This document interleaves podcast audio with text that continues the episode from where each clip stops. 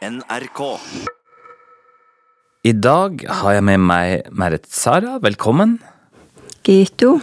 Du bor i Karasjok, Karasjoa, og har hatt en veldig spennende karriere hvor du har vært forfatter og oversetter, og du har vært lærer og forlagssjef, og du har jobba i reindriftsforvaltningen med kvinnespørsmål, og så har du vært aktivist, og nå er du pensjonist. Ja. En sammensatt bakgrunn. ja. Ja, men jeg jobber jo fortsatt med å skrive bøker, og ja, jeg har jo skrevet hittil 44 bøker, så jeg skal skrive seks til, så jeg når eh, 50-tallet. Hva skriver du om nå, da? Nå skal vi begynne å skrive om eh, det som skjedde for, for 40 år siden, men fra et samisk synpunkt. Det er jo skrevet en del bøker om, eh, om sultestreiken eh, og Alta-kampen, men eh, eh, nå har vi bestemt at eh, istedenfor at vi skal dele ut informasjon i hyttepine, så, så setter vi oss ned en gruppe, og, og så skriver vi en bok, så slik at hver skriver eh, sine opplevelser og erfaringer. Ja. Jeg har vært med på hele den prosessen, helt fra, fra demonstrasjoner utenfor og helt opp til, eh, til regjeringsnivå. ja. Du bodde i Oslo på den tida? Ja. Hva gjorde du i Oslo da? I Oslo så bestemte meg for å lære mitt eget språk, som hadde vært forbudt. Og jeg hadde jo lært da både norsk og engelsk og tysk og fransk, og kunne stenografere på norsk og engelsk, og skrive forretningsbrev på fransk og engelsk og norsk, og, og så var jeg analfabet i, i mitt eget språk. Så da bestemte jeg meg for at uh, jeg reiste til Oslo. Det var det eneste stedet man kunne lære samisk på den tida. På Ural-Altaisk institutt. Mm. Akkurat. Vi satt 16 voksne rundt et bord og skulle lære oss eh, å skrive og lese på vårt eget språk, som vi kunne muntlig, da. At uh, man skal begynne på bokstaver og, og uttale av, eh, av alfabetet på mitt eget språk. Det er mange ganger holdt på å fly i veggen. Etter at eh, jeg, hadde lært da å, å skrive og lese, og, og så bestemte jeg meg for at eh, neste generasjon ikke skulle oppleve det jeg hadde opplevd. Så etter det så har jeg bare jobba med det samiske språket.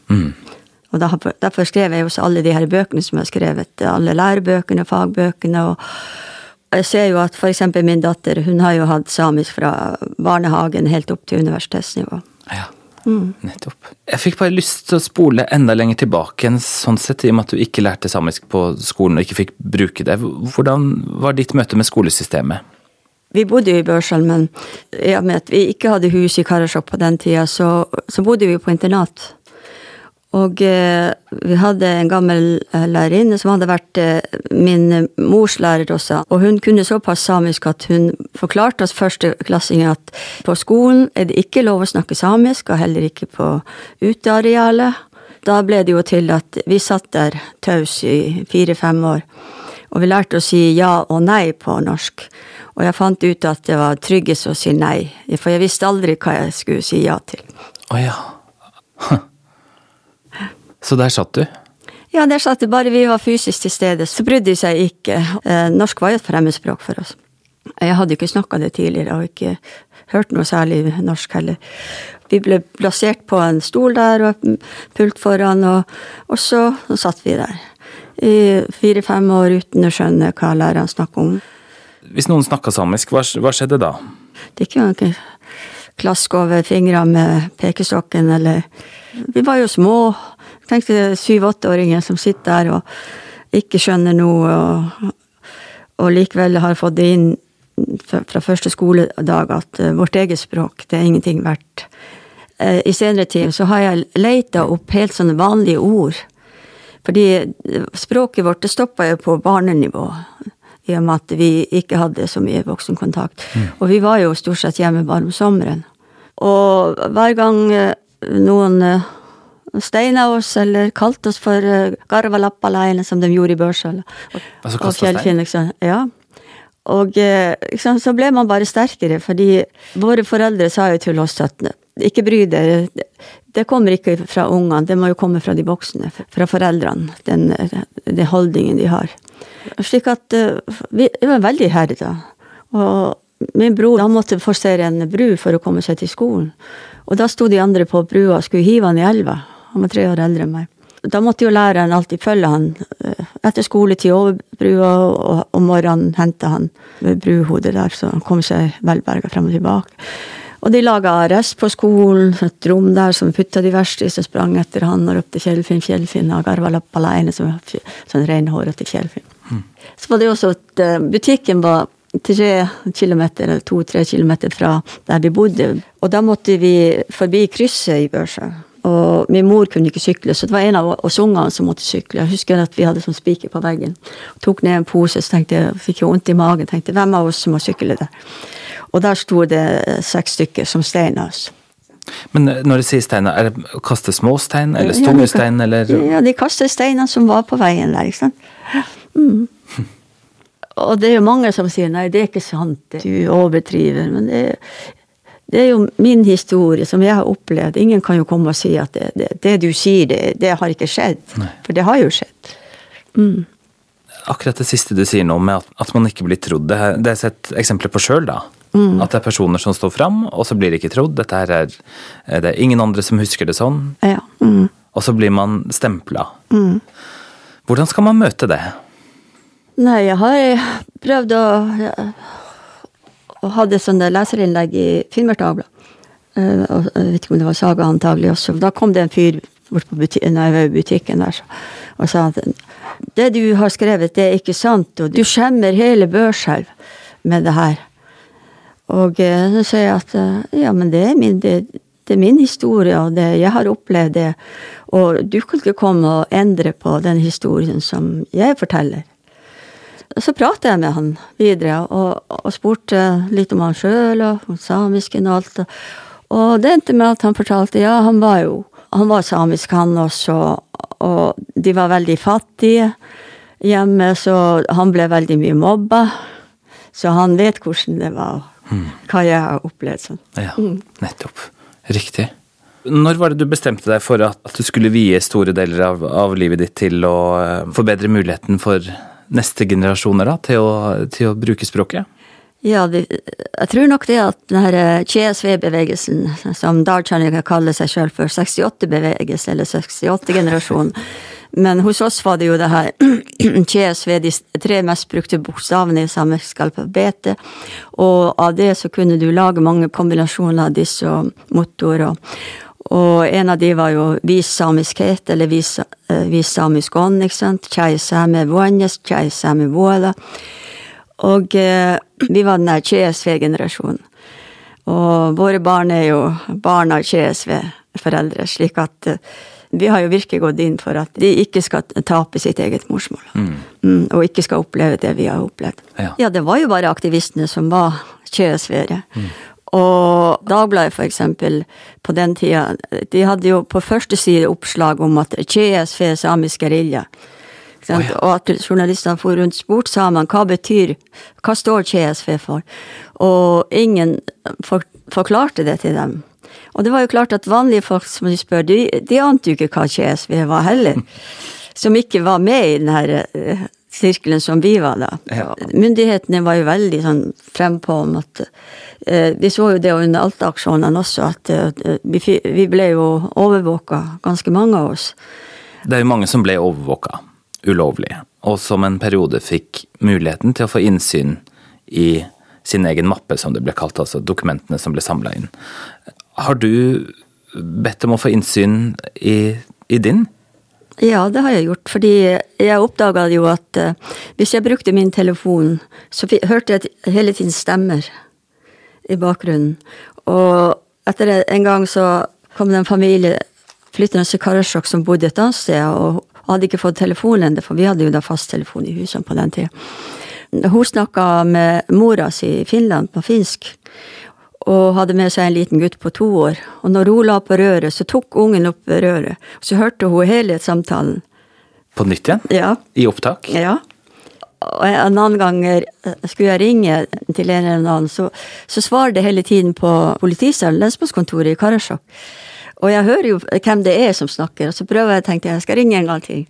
Og ringte. Og da sier jeg at Eller jeg hører hvem du er. Det andre gangen jeg kommer til dere. Ja, han bare beklager. Og jeg søkte jo også om å få mappa, etter at alle andre hadde fått det. Jeg fikk eh, tilbake fra Justisdepartementet beskjed om at eh, jeg kunne ikke få mappa mi. For det var uh, masse sånne punkter som var ramsa opp. Og det første var at eh, jeg var en fare for rikets sikkerhet. Og det andre var at etterretningen kunne bli avslørt. Og, og så var det tre, fire, fem, seks sånne. Og så kunne man anke det videre. Så anka jeg til kongen, da. Det er jo Justisdepartementet som svarer igjen. Og da får jeg eh, tilbakesvar med de samme punktene. Og så avslutter de med at eh, selv om du ikke får mappa di, så betyr det ikke at du ikke har en mapp. og eh, jeg har forhørt meg litt rundt omkring, og da sier de jo, de her folkene som har kjennskap til sånt, at de som får mappene sine tilbake, de er overvåka sånn ulovlig, da. Mens eh, de som ikke får dem, da har eh, etterretningen gått til retten og fått rett til å, til å overvåke. Akkurat. Mm. I hele tatt, hvorfor skal de overvåkes da? Aner du om når de begynte å overvåke deg, da? Har du fått noen indikasjoner på det? Nei, det vet jeg ikke, men uh, vi var tre stykker som, som var de første som begynte å jobbe på Samisk museum i Karasjok. Og Tidligere så var det jo sånn at man leide ut både til møter og andre arrangementer. Da var det jo den derre etterretningsmannen i Karasjok som bodde der. Han kom alltid på alle tilstelninger og satt der og hørte på. Ah, ja, akkurat. Mm. Så det begynte jo da tidlig i 70-tallet. Altså, betyr det før du dro til Oslo for å studere? Mm, akkurat, ja. For jeg jobba fortsatt på museet da jeg dro til Oslo første gang. Nettopp. Mm. I kjernen av, av CSV bevegelsen. Hvor, hvor mange var dere? Det var ingen organisasjon og noe sånt. Det var jo enkeltmennesker rundt omkring i Sápmi ja. som eh, sto for det samiske. Og, og noen brukte jo CSV som skjellsord. Ropte CSV etter oss og sånt. Og mm. Jeg var jo lærer på ungdomsskolen i Karasjok, og da kom det en eh, gutt som kom bort til meg og sa at hva skal jeg gjøre når eh, de andre guttene roper CSV etter meg? Så sier jeg du skal gå til dem og si takk. Det er det beste komplimentet du har fått. Hvordan ble du engasjert i det som utvikla seg til å bli en sultestreik, og, og disse aksjonene rundt, rundt Stortinget? Jeg, jeg, kjente jo de folkene som kom. Og kom jo Niljas og Zombie og Mikkel Hætta fra Masi. Han kjørte bilen, og Niljas hadde skikkelig sånn samisk godt, ikke lavvo, med sånn buete senger og alt. Da for vi tre på, utenfor Stortinget der og, og, skulle sette det opp, og tenkte vi, vi blir vel stoppa før vi kommer så langt. Men i Oslo er det sånn at folk kan ligge døde på, på gata når folk bare går forbi uten å stoppe. Og eh, vi gjorde grundig arbeid. Vi satte opp de her buetestengene først med alt det som hørte til, og, og knyta det sammen slik at det var stødig, og slik at alt var sånn forskriftsmessig gjort. Og eh, når det var ferdig, så ringte vi da de sultestreiket, de andre som var på samme kontor, og, og, og, sa at nå, nå er alt klart. Nå kan dere komme. Og de kom jo, og da tente vi bålet. Og da først ser, oppdager de politikerne på Stortinget, og hele det her kafévinduet, sånn langrekke, der står masse fjes som så, så, på det røyken og det godtet som sto utenfor Stortinget, og så store plakater at vi sultestreiker, vi kom først. Alle kunne jo ikke sultestreiken. Vi jobba med det vi kunne, med som informasjon ut. Steinar Ønhøre og kompisen hans. Og eh, de sa jo til meg at trenger du å ringe eller skrive, vi har maskiner her, og det er bare å komme inn og så bare spørre etter oss i resepsjonen, så kommer vi og henter det. og vi prøvde jo også å få informasjon ut, og vi så jo at eh, de avisene klarte aldri å ta imot alt det der. Da tok jeg initiativ til eh, at vi startet vår egen avis. Og så ringte vi Klassekampen om kvelden og spurte kan vi komme dit, så vi får lage avis i løpet av natta. Ja, sa de bare. Bare kom. så da får vi jo dit, og vi hadde jo ikke noe plan for hvordan avisa skulle se ut, og sånn, så, men det var jo veldig flinke folk der, så, så, vi bare sorterte det vi hadde, og så satte de i gang. Så klokka seks om morgenen så kom vi ut, vi hadde trykt 10 000 av første eksemplaret som heter Rop om, om uh, rettferd. Seks om morgenen så sto vi på gata. Og når vi kom dit, så var hele gata Alt var blokka med folk, og trafikken var stoppa opp. Ingenting fungerte der. For det var så mye folk som sto der. Rundt, utenfor Stortinget, rundt lavvoen, hele Karl Johan oppå. De 10 000 de gikk i løpet av to timer. Og da trykte vi eh, nye 10 000, og de forsvant. Og så en tredje gang, så 30 000 trykte vi den første eksemplaret. Og så fortsatte vi å utgi. Altså, Sultestreiken, hvilke mm, effekter har det gitt i, i, samfunnet vårt? Det var i hvert fall effektivt sånn sett at både norske folk og verden utenfor uh, oppdaget hvilken situasjon samer var i. Og Norge har jo på alle internasjonale møter og fortalt at Norge tar seg så godt av sine egne urfolk, og Norge er det beste landet å leve i. Og de har kunnet fortsette med en sånn usannhet i lengre tid. Og eh, sånn sett så, så ble jo all oppmerksomheten da satt på samene som folk. Og etter det tror jeg nok at uh, mye av den politiske utviklingen senere, det var jo som resultat av, av sultestreiken. Og i og med at jeg også var, jeg var med på det møtet som regjeringen holdt med samiske organisasjonene, vi hadde jo forberedt oss hva vi kunne si og gjøre og sånn, og hvilke krav vi kunne stille. Og, og når vi kom dit, så hadde jo regjering eh, Nord, nord, nord Nordli. Ja. Mm. De hadde jo bestemt seg for å sette i gang med samerettsutredning og kulturutredningen. Veldig gledelig, egentlig, men det var også sånn uventa. Vi ante jo ikke Vi var jo i en sånn der kampsituasjon og visste ikke hva, hva som ville komme ut av det. Etter det så kom jo også Sametinget av den samerettsutredningen. Mm. Men da stilte altså Nordli, som var statsminister, og justisministeren, og Einar Førde, som var Nei, det kultur eller kultur, ja, riktig. Jeg er ikke sikker på. Opplevde dere det som en anerkjennelse som man ikke hadde hatt før? Ja, det var det jo klart. Aksjonerte du i Alta òg, eller? Ja. Hva, hva, gjorde du der, da? Hva gjorde jeg? Jeg jobba på lærerhøgskolen der. Så vi var jo oppe i Savvån stille. Og vi var jo der da både før og etter at vi fikk den der Horvem 600 politifolk som var ved Janina der. Samtidig så var jeg også talsperson for samebevegelsen. Vi har to stykker. Og eh, vanlige boten, det var jo 3000 kroner. Men hver gang de tok meg, så var det 10 000. Ja vel? Ja, det var eget eh, pris for mitt hode. og eh, jeg ble jo arrestert to ganger der oppe med 20 000. Og siste gang jeg kom, så så gikk jeg dit for å hente ryggsekken min før jeg, jeg for på jobb. Og eh, da ble jeg arrestert igjen og putta i kasjotten og holdt der hele kvelden. Og eh, de her eh, bergensere og Janina-folket, det var en del av de som var nede i kjelleren der. Og, og så åpna de bare, bare den der luka og ropte 'Norsklærer vil ikke snakke norsk'. Og så mobba de meg hele kvelden. Jeg lo som ingenting, så jeg ikke så dem. Og så til slutt så kom en inn, for de hadde sparka meg i, i armen, politiet.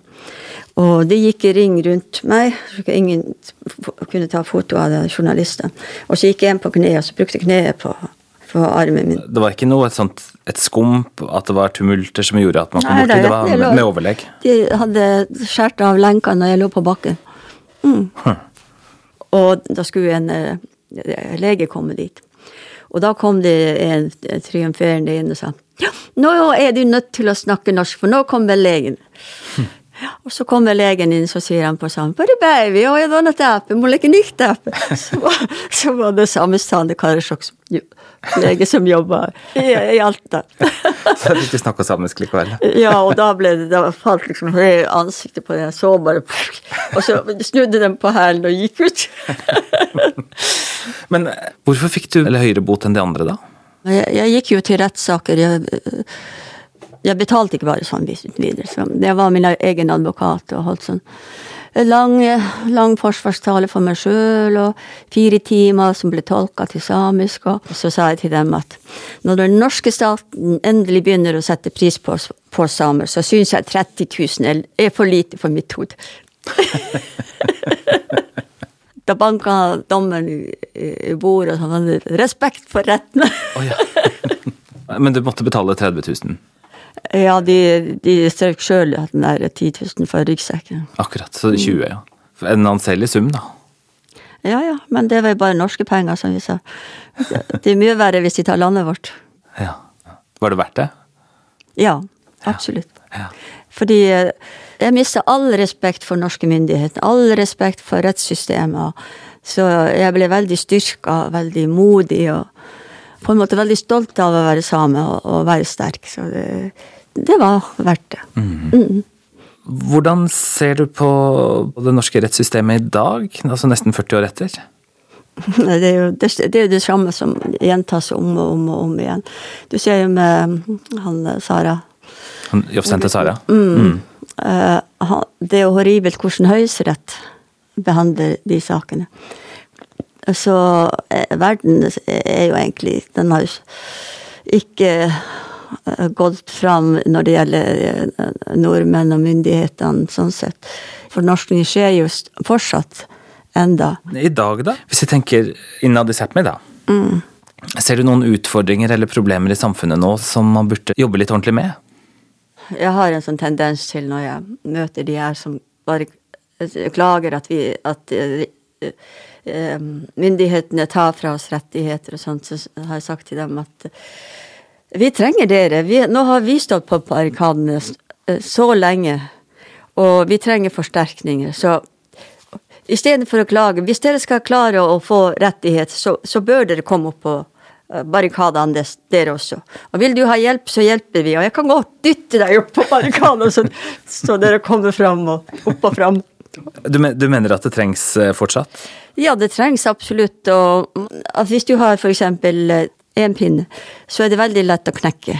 Men hvis du setter tre pinner sammen, så blir det mye vanskeligere å knekke.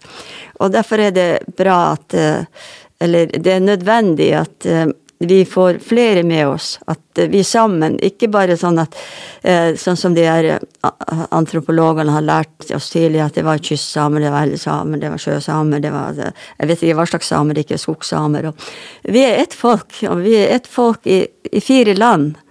Og om den minste gruppa lider, så det er ikke vi sterkere. Den lenka er ikke sterkere da.